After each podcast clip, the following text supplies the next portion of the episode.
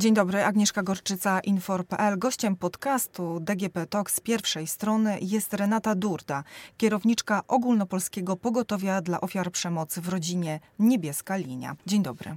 Dzień dobry. Około 630 tysięcy dzieci wymaga wsparcia psychiatrycznego i psychologicznego. W pięciu województwach kompletnie nie funkcjonuje żaden oddział psychiatryczny dla dzieci w kryzysie. Koronawirus czy nie, przemoc nie znika. Jaki był miniony rok pod tym względem? Dla niebieskiej linii, w której pracuję już od ponad 15 lat, to był bardzo trudny rok. Mieliśmy największą liczbę zgłoszeń, od kiedy pamiętamy, a niebieska linia w ogóle istnieje od 25 lat. I to mm, nawet nie jest kwestia tylko i wyłącznie w liczbach, bo oczywiście zawsze można powiedzieć sobie, będziemy petować liczbami, że czegoś było 10 tysięcy, teraz jest 20 tysięcy. Nie w tym rzecz. Rzecz jest w tym, że te rozmowy i te zgłoszenia, które mieliśmy w trakcie pandemii, miały zupełnie inny ciężar gatunkowy. Czyli wcześniej ludzie potrzebowali od nas wsparcia, pomocy i pokierowania do różnych lokalnych instytucji. Czyli mówiliśmy, co możemy w takiej sytuacji w Polsce, w ogóle co można zrobić, jakie są przepisy prawne, jakie są możliwe środki zaradcze, ale po pomoc bezpośrednią kierowaliśmy ludzi do miejsc, które mają najbliżej od miejsca zamieszkania. No teraz trudność polegała na tym, że wiele służb nie działało w tym czasie. Innymi słowy, tam, gdzie był potrzebny bezpośredni kontakt, a nie mogło go być, trzeba było wymyślać jakieś sposoby na to, żeby obejść tą sytuację bezkontaktową, a mimo tego jakoś zapewnić ludziom mm, wsparcie i i znaleźć takie rozwiązanie, które jest możliwe do zrealizowania w pandemii. Dotyczyło to zarówno osób dorosłych, które miały trudność we wzywaniu policji na interwencję, czy miały trudność w kontakcie z ośrodkami pomocy społecznej i w ogóle z grupami roboczymi w procedurze Niebieska Karta. Dotyczyło to także dzieci w tych sytuacjach, w których zwykle odwołujemy się do dorosłych zasobów szkolnych, czyli do nauczycieli, psychologów, pedagogów szkolnych, którzy mogą e, dzieckiem się zaopiekować. No, tym razem dzieci siedziały we własnych domach z własnymi często oprawcami. Czy Pani zdaniem to, że dzieci na feriach zostały zamknięte w domach, to, że nie wracają do szkół, że to wszystko się e, przedłuża? Nie mówię teraz o, o klasach tych 1-3, natomiast no, jest cała rzesza nastolatków w trudnym momencie. Czy to przyczyniło się do wzrostu przemocy? Jak to z Państwa z punktu widzenia wygląda? To się w dwojaki sposób przyczynia do wzrostu przemocy. Po pierwsze, wzrasta przemoc wobec dzieci, które nie mogą przed tą przemocą w żaden sposób uciec. Jednak szkoła zawsze była takim miejscem, do którego dziecko po pierwsze wychodziło z domu, ale po drugie tam byli inni dorośli, do których można było się zwrócić z prośbą o pomoc. I to po pierwsze, czyli dzieci, mówimy oczywiście, żeby zrobić to zastrzeżenie, cały czas mówimy o tych rodzinach, w których dochodzi do przemocy, czy też o tych rodzinach, które już wcześniej dochodziło do przemocy, czy też o tych rodzinach, w których dochodzi do przemocy w trakcie pandemii z powodów tego, że się nawarstwiały różne czynniki, które sprzyjają rozwojowi przemocy. Oczywiście nie mówimy o wszystkich rodzinach, żeby też nie było takiego wrażenia, że w każdym domu w Polsce dzieją się złe rzeczy. Na szczęście nie w każdym domu, ale wystarczająco wielu, żeby dzwony biły na alarm. W związku z tym dzieci, wracając do tego wątku, dzieci nie, nie mogły szukać pomocy na zewnątrz, były jakby skazane na bycie w domu z opiekunami, którzy nie byli dla nich wystarczająco dobrymi opiekunami. Ale też to, w jaki sposób dzieci znoszą pandemię. A znoszą ją oczywiście źle, ponieważ dla dzieci to jest mega ekstremalnie nienormalna sytuacja, kiedy nie można być w kontakcie z rówieśnikami, kiedy nie można być w kontakcie ze światem otaczającym, jest się tylko w czterech ścianach z kilkoma dorosłymi osobami. Czy też być może z rodzeństwem, ale często też ta powierzchnia mieszkaniowa jest taka, że rzeczywiście trudno jest razem ze sobą wytrzymać. To powoduje, że dzieci, mówiąc kolokwialnie, bywają nieznośne, czyli odreagowują to, że są w tym domu w sposób, który dla dorosłych jest trudny do zniesienia. I w związku z tym bardzo często jest tak, że to dorośli mówią, gdyby nie dzieci, to u nas w rodzinie nie byłoby przemocy. To ta sytuacja, w której ja musiałem dopilnować dziecko, żeby odrabia, odrabiało lekcje, a dziecko tych lekcji nie chciało odrabiać, czy w ogóle nie chciało uczestniczyć w zajęciach szkolnych. Ta sytuacja, w której spieraliśmy się z mężem, kto ma tego przypilnować i kto ma rozdzielić dostępy do Wi-Fi, do laptopów, powodowała, że emocje były coraz gorętsze i wreszcie dochodziło do przemocy, czyli część dorosłych postrzega nie tylko dzieci jako ofiary przemocy, która się dzieje w domu, ale także także jako przyczynę tego, co się dzieje. No i w ostateczności czasami jest tak, że to nie dzieci są bezpośrednią ofiarą przemocy, ale dzieci obserwują to, co się dzieje między dorosłymi, a poprzez to, że są świadkami przemocy między mamą i tatą, są też ofiarami tej przemocy. Poczytałam trochę fora internetowe w tym temacie i pojawił się tam jeden wątek, myślę godny uwagi w tym momencie. To jest to, że w tym momencie mm, bardzo trudno jest zgłosić czy dodzwonić się na policję i zgłosić przemoc, dlatego że policja bardzo często zajmuje się sprawami e, związanymi z koronawirusem, strajkami itd. Tak itd. Tak Przemoc y, spychana jest na dalszy plan. Dlaczego tak się dzieje? Pewnie trzeba by było zapytać o to polityków, dlaczego tak się dzieje, bo to oni rozdzielają priorytety w pracy służb. E, gdybyśmy uzgodnili jako społeczeństwo, a jakby rząd jest do tego, żeby realizować te postulaty, że najważniejszą rzeczą jest zapewnienie ludziom bezpieczeństwa we własnym domu, to przeciwdziałanie przemocy domowej byłoby priorytetem. Ale zapewne politycy i rząd uważają, że jest zupełnie inaczej, e, że priorytetem jest właśnie pandemia, czy strajki kobiet, które, czy nie tylko kobiet, także innych grup społecznych, które się odbywają i tam są kierowane siły. Ja myślę, że to jest też kwestia tego, w jaki sposób w Polsce toczy się debatę publiczną o przemocy w rodzinie. Ja mam poczucie, że przemoc w rodzinie jest nieustająco lekceważona. Czyli bez przerwy uważamy, że przecież nic takiego się nie dzieje. No, w każdej rodzinie są jakieś awantury. E, w związku z tym ludzie sobie tam jakoś to się raz pokłócą, a drugi raz się pogodzą i się dogadają. Tymczasem rzeczywistość przemocy po pierwsze nie, nie jest to tylko zwykła domowa awantura czy, czy konflikt. Często w w przypadkach przemocy dochodzi do zabójstw. E, będziemy zresztą w Niebieskiej Linii w tym roku realizować taki projekt, który polega na tym, że, że będziemy ewidencjonować każdy przypadek śmiertelny związany z przemocą w rodzinie, po to, żebyśmy się w końcu dowiedzieli, ile tej śmiertelności w przypadkach przemocy w rodzinie mamy, choć mówimy w tej chwili, że mamy tego między 250 a 500 przypadków rocznie. Zobaczymy, jak jest w rzeczywistości. Pierwsze tygodnie stycznia pokazały, że już mamy w Polsce kilkanaście przypadków śmierci związanych z przemocą w rodzinie. Więc to po pierwsze nie jest błaha sprawa. Po drugie, nawet jeśli ludzie nie tracą życia, to przemoc zostawia ślady na bardzo długi okres w ich życiu. Często mamy do czynienia z ludźmi dorosłymi, którzy nie radzą sobie w życiu swoim osobistym, zawodowym, dlatego że wciąż noszą ślady zranień, których doświadczyli w domu rodzinnym, właśnie jako dzieci doświadczające przemocy w rodzinie, czy będące świadkami przemocy. Także lekceważenie tego problemu niestety jest dramatyczne na dziś i dramatyczne w długiej perspektywie. W 2019 roku prawie 2000 dzieci podjęło próby samobójcze, 250 z nich skończyło się śmiercią. Tymczasem wiceminister zdrowia i sześciu innych senatorów z wykształceniem medycznym głosuje przeciwko wsparciu finansowemu dziecięcej psychiatrii. Hmm, ta cisza, która zapadła, rozumiem, zapadła dlatego, że mm, na końcu tego, co pani powiedziała, nie było znaku zapytania. E, rozumiem, że znak zapytania jest taki, co ja na ten temat sądzę. E, Pytanie, czy to w, w tym momencie e, zasługuje na komentowanie? No, ja właściwie mam tylko jeden komentarz, który tam jakoś gdzieś też w mediach społecznościowych wyraziłam, że takie podejście do mm, braku opieki psychologicznej i psychiatrycznej mm, dla dzieci w Polsce, czyli właściwie likwidowanie możliwości otrzymywania takiej opieki przez dzieci, graniczy z ludobójstwem. Naprawdę, ja mówię to zupełnie serio, dlatego że masowo mamy problem z dziećmi, które zgłaszają po pierwsze depresję, od tego się zwykle zaczyna, choć nie musi, po drugie myśli samobójcze, po trzecie samookaleczenia i po czwarte próby samobójcze. I to nie jest problem jednostkowy. Ten problem narasta i wszyscy znawcy problematyki biją na alarm od lat. Więc ludzie, którzy nie słyszą tego bicia na alarm, naprawdę przyczyniają się do tego, że śmiertelności w tej populacji będzie coraz więcej. Czy uważa Pani, że państwo radzi sobie z kryzysem przemocowym, czy niekoniecznie? Państwo sobie nie radzi z problemem przemocy wobec dzieci, przemocy wobec kobiet i w ogóle przemocy w rodzinie, także przemocy wobec osób starszych, przemocy wobec osób z niepełnosprawnościami. Mamy tutaj sporo takich populacji, których czynnik ryzyka doświadczenia przemocy jest jeszcze większy niż w ogólnej populacji. Po pierwsze, od 20 lat, od 25, kiedy istnieje niebieska linia, obserwujemy to, że to organizacje pozarządowe niosą ciężar świadczenia pomocy w takich przypadkach.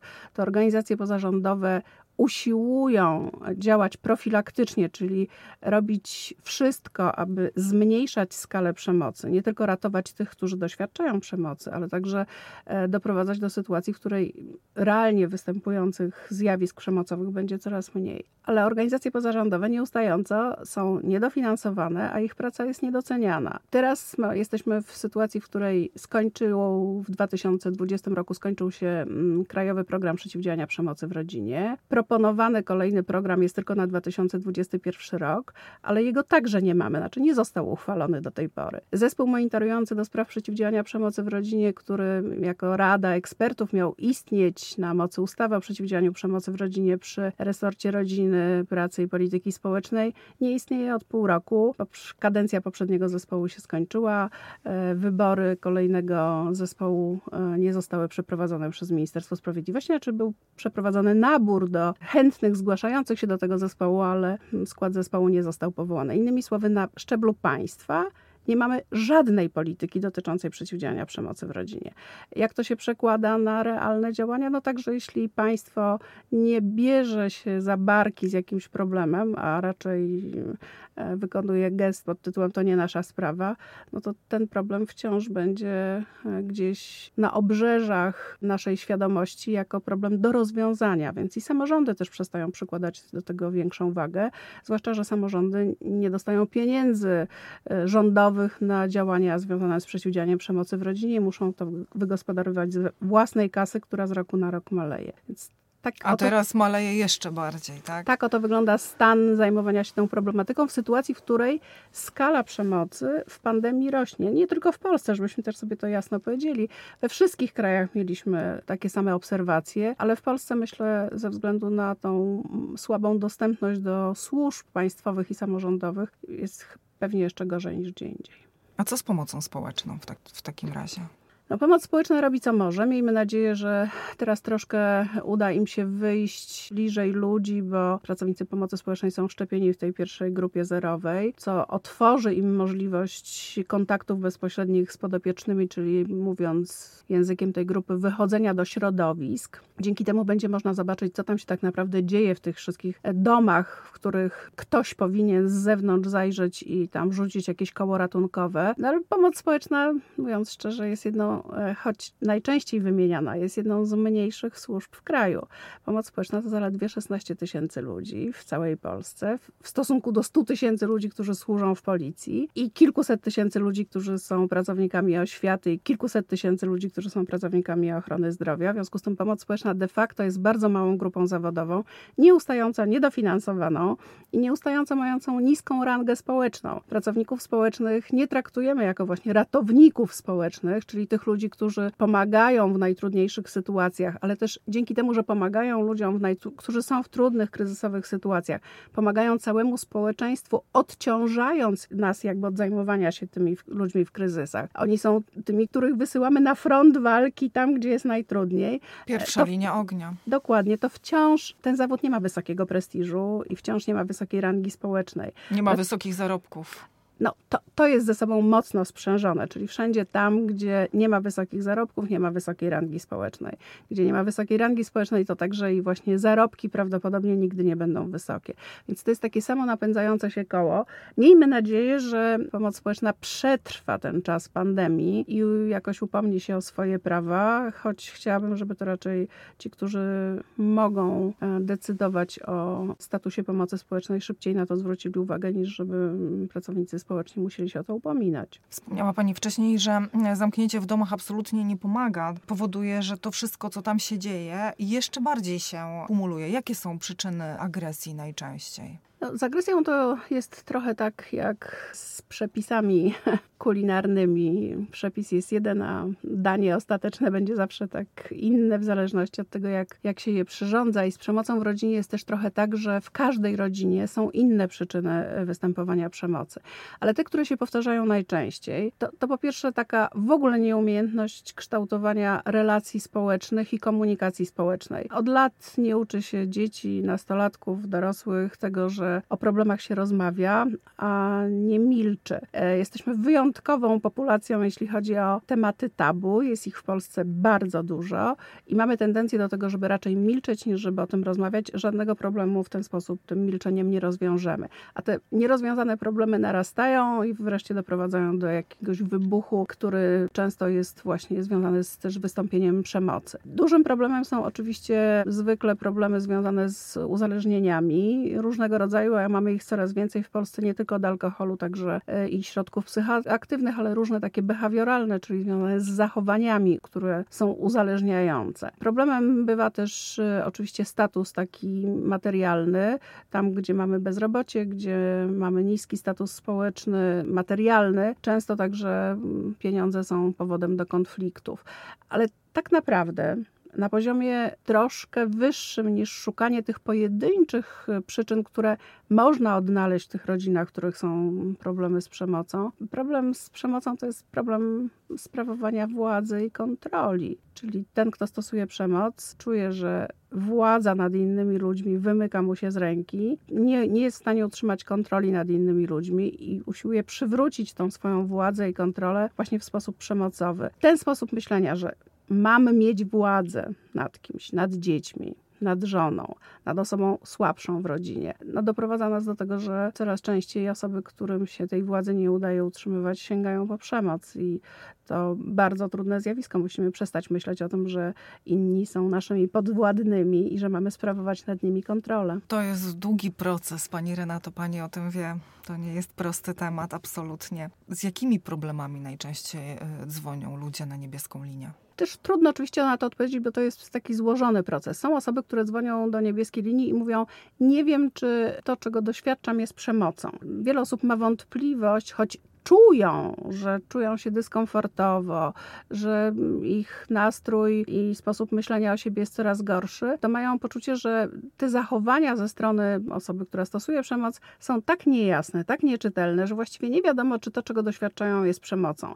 Ktoś mówi, no bo właściwie mój mąż to mnie nie wyzywa, ale mówi takie rzeczy, że ja się bardzo z, nim, z nimi źle czuję. Ludzie w różny sposób no, wyrażają swoje myślenie o drugim drugim człowieku i czasami ktoś mówi, ale mój mąż zawsze mówi, och, ty jesteś taką słodką idiotką. No i oczywiście pytanie jest takie, czy to jest przemoc, czy też jest to taki sposób wyrażania czułości między ludźmi, którzy są w bliskiej relacji. Więc wiele osób dzwoni i mówi, nie wiem, czy to, czego doświadczam jest przemocą, wiem tylko, że się z tym źle czuję i że dalej tak być nie może. No i tu trzeba się zastanowić nad tym tak naprawdę, czego ta osoba doświadcza i czy jest to sytuacja zagrażająca jej życiu i zdrowiu w bliskiej czy dalszej perspektywie. Część ludzi dzwoni w sytuacjach bardzo kryzysowych, czyli mówią: Obawiam się, że nie dożyję do jutra. Było już tyle awantur, w czasie których dochodziło do rękoczynów, a dziś rano mój partner, wzburzony, wychodząc z domu, powiedział: Jak wrócę, to się z wami rozprawię. I ja się boję, że on rzeczywiście to zrobi. Czyli dzwonią ludzie jakby z tej drugiej strony kontinuum, tacy, których życie w tej chwili być może jest w sytuacji zagrożenia zagrożenia i trzeba się zastanowić, w jaki sposób to życie ochronić. No i wreszcie są ludzie, którzy dzwonią mm, z powodu tego, że szukali pomocy w bardzo wielu miejscach i ta pomoc była nieskuteczna. Czyli mówią, byłam już tam w ośrodku pomocy społecznej, dzwoniłam na policję, mamy toczącą się procedurę niebieskiej karty, a przemoc wciąż się dzieje w naszym domu na co dzień. W związku z tym, co jeszcze można w tej sytuacji zrobić, do jakich środków ochrony się odwołać, żeby poczuć się bezpiecznie.